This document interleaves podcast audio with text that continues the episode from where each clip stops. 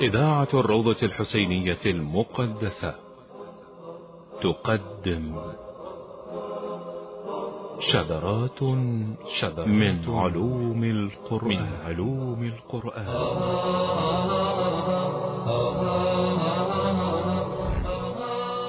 شذرات من علوم القرآن. إعداد وتقديم السيد مرتضى جمال الدين. شذرات من علوم القرآن. مونتاج نورة الكربلائي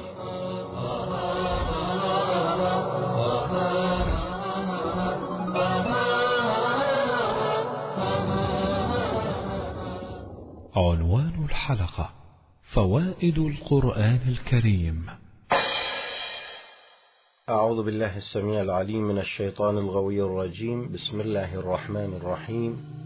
والحمد لله رب العالمين وصلى الله على سيدنا ونبينا محمد وآله الطاهرين. الهداة الميامين تراجمة وحي الله العظيم. أيها الأحبة السلام عليكم ورحمة الله وبركاته. على مائدة القرآن العظيم في هذه الحلقة سوف نتكلم عن جوهر نفيس وعن علم عظيم وهو منافع القرآن العظيم أو خواص القرآن العظيم. وبالذات أنقل إلى مسامعكم ولعله لأول مرة تسمعون ما ينسب إلى الإمام الصادق عليه السلام وصحت نسبته كتاب منافع القرآن العظيم أو ما يسمى بخواص القرآن العظيم. وهذا البحث الشريف العظيم فيه من الأسرار ما فيه وهو أن الإمام الصادق عليه السلام يأتي على كل سورة سورة من القرآن العظيم يبين منافعها وخواصها الطبية منها للأمراض الجسدية وأخرى للأمراض النفسية وأخرى للأمراض الروحانية. وهذه الأسرار لا يعرفها إلا أصحاب الدار إلا أصحاب البيت إلا أهل البيت. فهم عيبة علم الله وخزنة سر الله سبحانه وتعالى. وأنتم تجدون في الأسواق الشفاء في القرآن الكريم. أكثر هذه المعلومات مأخوذة عن أهل البيت عليهم السلام وبالذات عن هذه الرسالة العظيمة لأمير المؤمنين عليه السلام وهي من التراث الشيعي الخالد. فإن الإمام عليه السلام ينقل هذه الرسالة عن آبائه عن أجداده عن أمير المؤمنين عن رسول الله صلى الله عليه وآله. كيف لا؟ وأمير المؤمنين يقول والله ما نزلت آية إلا وقد علمت فيما نزلت وأين نزلت وعلى من نزلت إن ربي وهب لي قلبا عقولا ولسانا طلقا سؤولا. ويقول الإمام الباقر عليه السلام إن رسول الله صلى الله عليه وآله وسلم أفضل الراسخين في العلم. قد علم جميع ما أنزل الله عليه من التنزيل والتأويل وما كان الله لينزل عليه شيئا لم يعلمه تأويله. وأوصياؤه من بعده يعلمونه كله. فقال الإمام الصادق نحن الراسخون في العلم ونحن نعلم تأويله.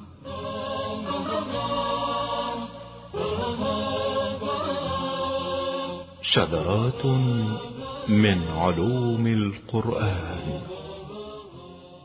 أيها الأحبة الأحاديث التي سوف نلقيها على مسامعكم الكريمة هي أحاديث تخص منافع القرآن العظيم الطبية. فإذا القرآن الكريم هو شفاء من كل داء ولكن بشرط شيء. هذا الشرط هو يجب أن يكون الإنسان ذو إيمان بالكتاب العزيز العظيم. وأم البحث في هذا هو الآية الكريمة التي تعتبر الأصل لهذا البحث والدليل على هذا البحث. قال الله تعالى بسم الله الرحمن الرحيم. وننزل من القرآن ما هو شفاء ورحمة للمؤمنين.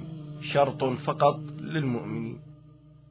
وقال تعالى يا أيها الناس قد جاءكم موعظة من ربكم وشفاء لما في الصدور. وهدى ورحمة للمؤمنين. وغيرها من الآيات الدالة على أن القرآن الكريم هو شفاء للنفس والبدن وضياء للروح وتهذيب للأخلاق. وهذا ما يؤكده النبي صلى الله عليه وآله وسلم.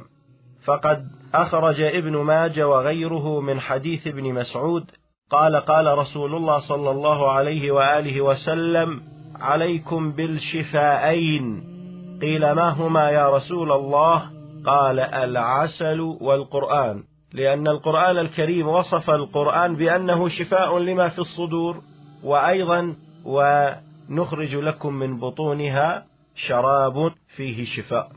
إذا وجاء في الأحاديث أيضا من طرقنا عن أمير المؤمنين عليه السلام قال خير الدواء القرآن. وذكر أمير المؤمنين في أحد خطبه في نهج البلاغة قال عليكم بكتاب الله فإنه الحبل المتين والنور المبين والشفاء النافع. وقال عليه السلام إن القرآن فيه شفاء من أكبر داء وهو الكفر والنفاق والغي والضلال. إذا ليست فقط الأمراض البدنية والنفسية إنما حتى أمراض القلب من الشك والشرك والعياذ بالله. وقد أكدت البحوث الطبية الحديثة أن الطب الروحاني من أهم الأسباب المؤدية إلى تخفيف الأمراض النفسية المستعصية والكثيرة الشيوع في زماننا هذا. ولا ريب أن القرآن الكريم والدعاء يقفان على رأس مفردات الطب الروحاني والعلاج النفساني لما لهما من الأثر البالغ في نفوس المؤمنين المعتقدين.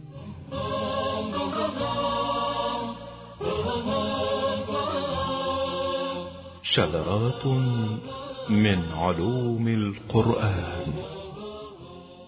أيها الأحبة، نجد أن هذا العلم موجود حتى أن أعداء أهل البيت من الوهابية اتخذوا هذا العلم وأخذوا يعالجون به الأمراض. ليس الفضل لهم. في ذلك إنما الفضل لكتاب الله ولكلمات الله ولسر الله المودع في القرآن الكريم. وذكر المحدثون في كتبهم باب الرقية والتميمة يعني من الأدعية والآيات القرآنية الكريمة. إذا هذا علم نفيس فتق مسائله وأخرج أسراره الإمام علي بن أبي طالب عليه السلام ونقلها عنه الأئمة كابرا عن كابر إلى أن هذا الكتاب الرائع من أوله لآخره الموسوم بخواص القرآن أو ما يسمى بمنافع القرآن العظيم الوارد عن الإمام جعفر بن محمد الصادق عليه السلام. وها نحن سوف نتلو على مسامعكم من هذه الرسالة المباركة. يبتدئ كتاب خواص القرآن العظيم من سورة البقرة. قال الإمام أبو عبد الله جعفر الصادق بن محمد بن علي زين العابدين بن الحسين الشهيد بن علي بن أبي طالب عليهم السلام قال من كتب سورة البقرة وعلقها عليه زالت عنه الأوجاع كلها وإن علقت على صغير زالت عنه الأوجاع. وهان عليه الفطام يعني سورة البقرة لمن يصعب عليه الفطام تكتب وتعلق على رقبته على شكل قلادة أو تكون بشكل حرز يوضع على عضده. قال ومن كتبها وعلقت عليه هان عليه الفطام ولم يخف هواما ولا جانا بإذن الله تعالى. وفي أيضا رواية عنه سلام الله عليه قال: وإن علقت سورة البقرة على المصروع زال عنه الصرع بإذن الله تعالى. وفيه من المنافع ما لا حد له ولا نهاية وقيل إن الشفاء التام في سورة البقرة. جربوا قراءة سورة البقرة عند المريض. يهدأ عليه المرض ويخف عنه المرض بل ويشفى من ذلك إن شاء الله. الثانية سورة آل عمران. قال الإمام الصادق عليه السلام من كتبها بزعفران شعر هذا الزعفران المعروف وعلقها على امرأة تريد الحمل حملت بإذن الله تعالى. وإذا علقت على المعسر في عنقه يسر الله عليه ورزقه الله عز وجل. إذا سورة آل عمران تفيد للمرأة التي تريد حملا وكذلك لمن يريد رزقا. وفي سورة النساء من فوائدها قال وإن كتبها وشربها الخائف بماء المطر أمن بإذن الله تعالى. الأطفال بعضهم يصيبهم خوفة فواحد يكتب سورة البقرة بالزعفران أو بأي شيء آخر ثم يغسل هذا الكاغد الذي كتب فيه القرآن أو يكتب على صيني ماعون صيني أو صينية كبيرة نظيفة يكتب عليها سورة النساء من أولها إلى آخرها على طهر ثم يغسل هذا الماء بماء المطر. نعم. أو ماء نظيف ماء الفرات أو ماء من المراقد المشرفة أو ماء زمزم ثم يشرب فيه الشفاء إن شاء الله. وأما فوائد سورة المائدة فعن الإمام الصادق عليه السلام قال من كتبها وجعلها في صندوق أمن أن يؤخذ قماشه ومتاعه ولا يسرق له شيء. ولو كان متاعه على قارعة الطريق حرس بإذن الله تعالى وحوله وقوته. إذا سورة المائدة أمان من السرقة. قال الصادق عليه السلام وإذا شربها الجائع والعطشان شبع وروى ولم يضره عدم الخبز والماء بقدرة الله تعالى. وفي فضل سورة الأنعام قال الإمام الصادق عليه السلام إذا كتبت بمسك وزعفران شعر وشربها المرء ثلاثة أيام متوالية نظر أبدا خيرا ولم ير سوءا وعوفي من الأوجاع كلها والأورام والطحال. ما هذه العظمة وما هذه الأسرار؟ الواقع لا أحد يعرف أسرار وخواص الآيات والسور غير أهل البيت إذ نزل عليهم القرآن سلام الله عليهم. وقال الإمام الصادق في من علق على الدواب سورة الأنعام أمنت من جميع المخافات وصحت الدابة في جسمها وأمنت من الهزال والاصطكاك وما يحدث في الدواب من الأمراض إلى الوقت المعلوم بإذن الله تعالى.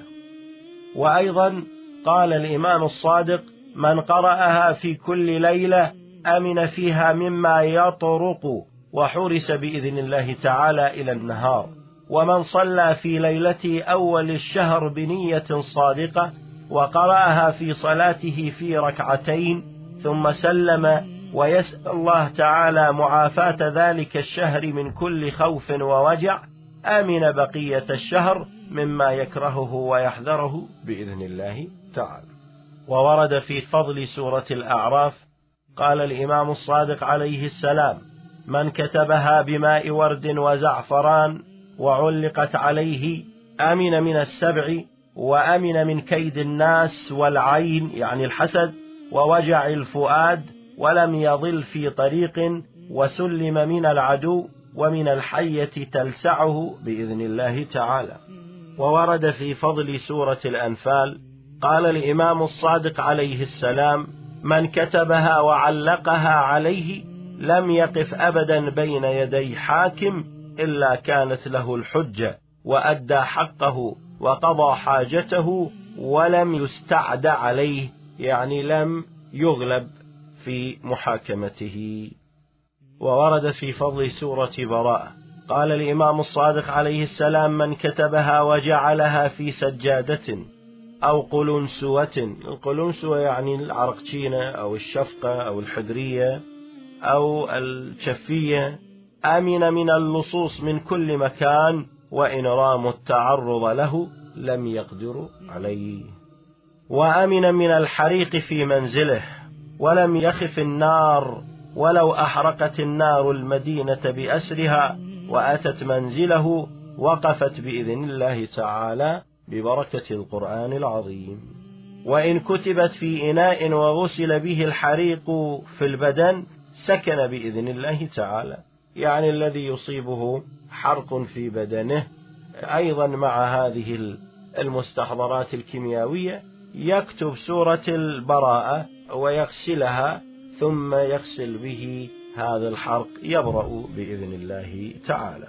وورد في فضل سورة يونس من كتبها من أولها إلى آخرها وجعلها في حق يعني في جيب ووضعها في منزله وسمى جميع من في المنزل وكانت لهم عيوب ظهرت وبانت عليهم من أي الوجوه كانت. يعني هؤلاء الذين يخفون بعض عيوبهم ليريدوا أن يدلسوا على القادمين فيكتب ويعلقها في البيت تظهر جميع عيوب ذلك البيت.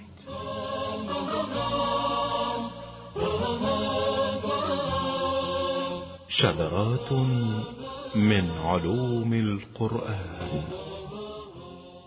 وورد في فضل سورة هود عليه السلام قال الإمام الصادق عليه السلام من كتبها في رق ظبي وعلقها عليه أعطاه الله قوة ونصرا ولو قاتله مائة رجل غلبهم وقهرهم وأعطي النصر عليهم وهابوه وخافوه وضعفت قوتهم عن الرق يعني جلد ظبي موجود في الأسواق يشترى قطعة منه ويكتب عليه سورة هود. وفي فضل سورة يوسف عليه السلام قال من كتبها وجعلها في منزله ثلاثة أيام وأخرجها إلى جدار البيت من خارجه لم يشعر إلا ورسول السلطان يدعوه إلى خدمته ويصرفه في حوائجه بإذن الله تعالى. وورد في فضل سورة الرعد قال من كتبها في ليلة مظلمة بعد صلاة العتمة يعني العشاء على ضوء نار وجعلها في ساعته يعني من ساعته على باب سلطان أو من ظلمه قصر أمره وكلمته وخالفه من يأمره ويضيق صدره.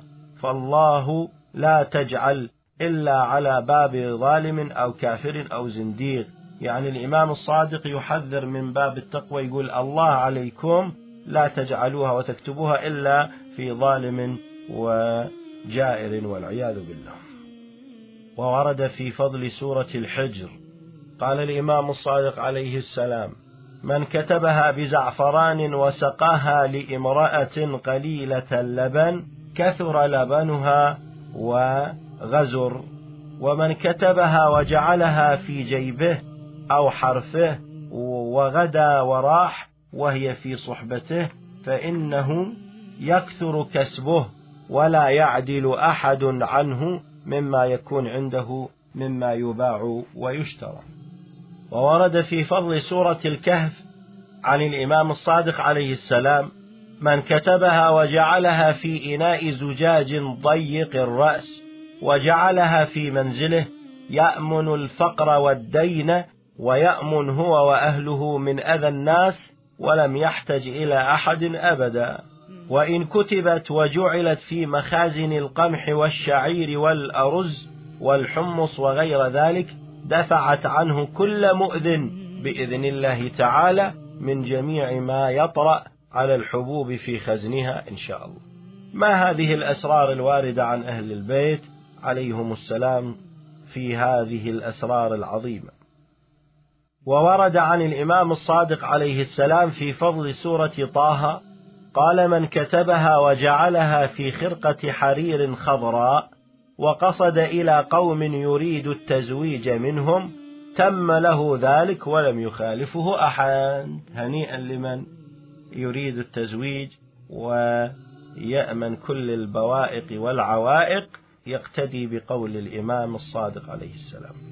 وورد في فضل سورة المؤمنون على الحكاية قال الإمام الصادق من كتبها ثلاثة أيام وثلاث مرات وعلقها عليه ليلا في خرقة بيضاء وجعلها على من يشرب الخمر لم يشربها أبدا ويبغض إليه شربها.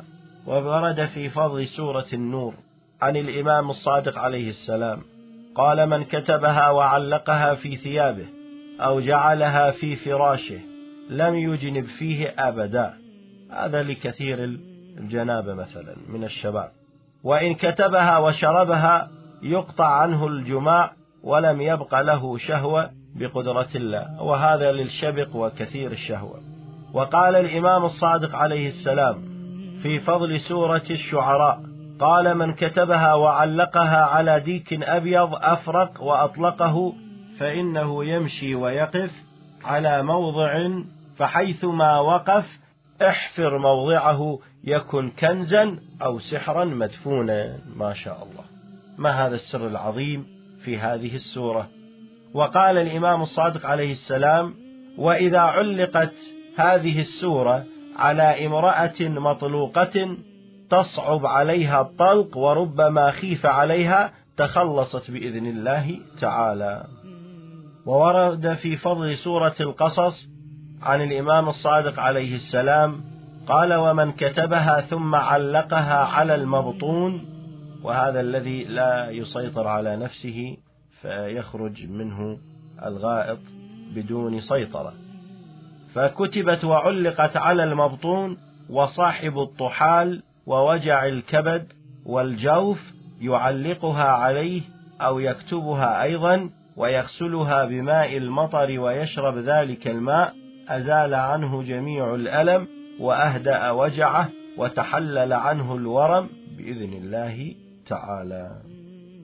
وورد في فضل سورة العنكبوت عن الإمام الصادق عليه السلام من كتبها وشربها زال عنه حمى الربع والبرد والألم ولم يغتم من وجع أبدا إلا وجع الموت الذي لا بد منه ويكثر سروره ما عاش وورد أن شرب ماء سورة العنكبوت يفرح القلب وينشط الكسل ويشرح الصدر وماؤها يغسل به الوجه للجمرة والحرارة. يزيل عنه ذلك.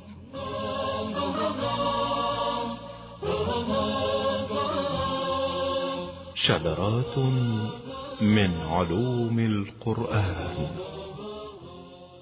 وورد في فضل سورة لقمان عليه السلام أنه إذا المرأة كتبتها واستحمت بماءها من طالت عزبتها خطبت وسهل الله خطبتها بأمر الله تعالى لهذا لتسهيل أمر زواج البنات.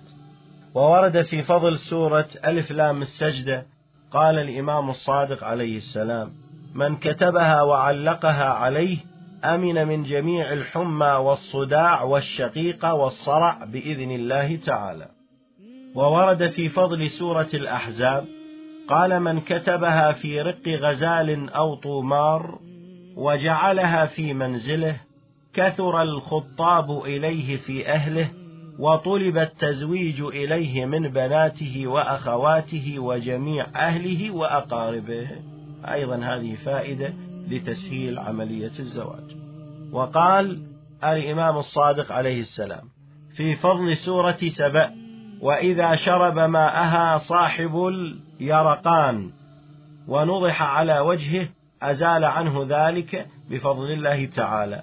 يعني الصفرة اليرقان الصفرة وأيضا ورد في فضل سورة سبأ من كتبها في خرقة أمن من جميع الهوام التي تخرج عليه ومن العقوبة ما دامت عليه. وورد في فضل سورة ياسين قال الإمام الصادق عليه السلام من كتبها بماء ورد وزعفران سبع مرات وشربها سبع أيام كل يوم مرة وعى كل شيء يسمعه ويحفظه وغلب من يناظره وعظم في أعين الناس. وهذه في فضل زيادة الحافظة وقوة الناظرة والعلم. وقال الإمام الصادق عليه السلام ومن كتبها وعلقها على جسده أمن من العين السوء والجن والجنون والهوام والأرجاس والأوجاع بإذن الله تعالى. وقال الإمام الصادق عليه السلام في فضل سورة الصافات من كتبها وجعلها في إناء زجاج ضيق الرأس وجعله في صندوق رأى الجن في منزله يذهبون ويأتون أفواجا أفواجا ولا يضرون أحدا بشيء. وورد في فضل سورة الزمر عن الإمام الصادق عليه السلام من كتبها وعلقها على عضده أو تركها في فراشه فكل من دخل عليه أو خرج من عنده أثنى عليه بخير وشكره وذكر فيه الجميل ولم يلقه أحد من الناس إلا شكره وأحبه. وورد في فضل سورة غافر عن الإمام الصادق عليه السلام أنه قال إن في الحواميم يعني كل سورة تبدأ في حاميم. إن في الحواميم فضلا كثيرا يطول الشرح فيه. قال جعفر بن محمد الصادق عليه السلام من كتبها وجعلها في حائط أو بستان كبير الحائط هو البستان. اخضر وحمل وأزهر وصارت حسنا في وقته. وإن تركت في حائط دكان كثر فيها البيع والشراء وبورك له فيها غاية البركة.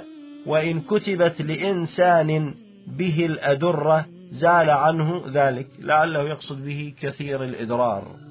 وإن كتبت الحواميم وعلقت على من به دماميل أو قروح أو خوف زال عنه ذلك بمشيئة الله تعالى.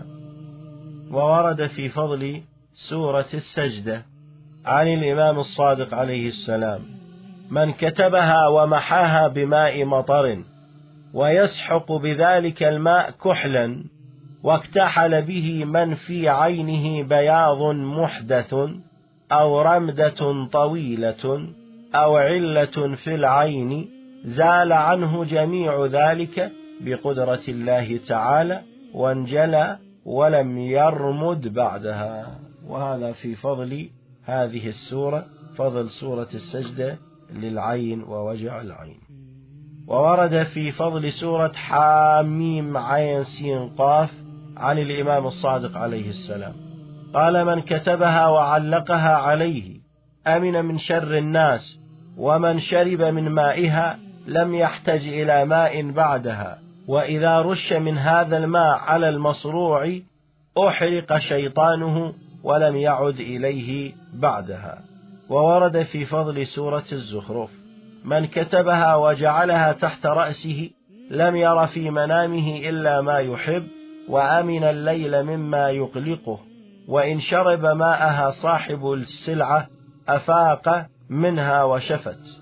وفي فضل سورة الدخان من كتبها وعلقها عليه أمن من شر كل ملك وكان مهيبا في وجه كل من يلقاه ومحبوبا عند جميع الناس. وهذا وغيره أيها الأحبة إلى أكثر هذه السور وخواصها ومنافعها عن الإمام الصادق عليه السلام. وهذا العلم لا يعرف أسراره إلا أهل البيت عليهم السلام. جعلنا الله وإياكم من المتمسكين بهم والسائرين على خطاهم بفضل محمد وآله الطاهرين. والسلام عليكم ورحمة الله وبركاته.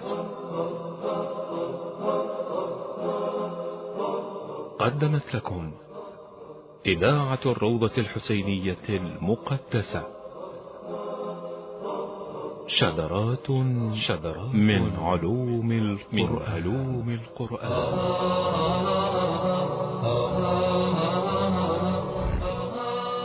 شذرات من علوم القرآن.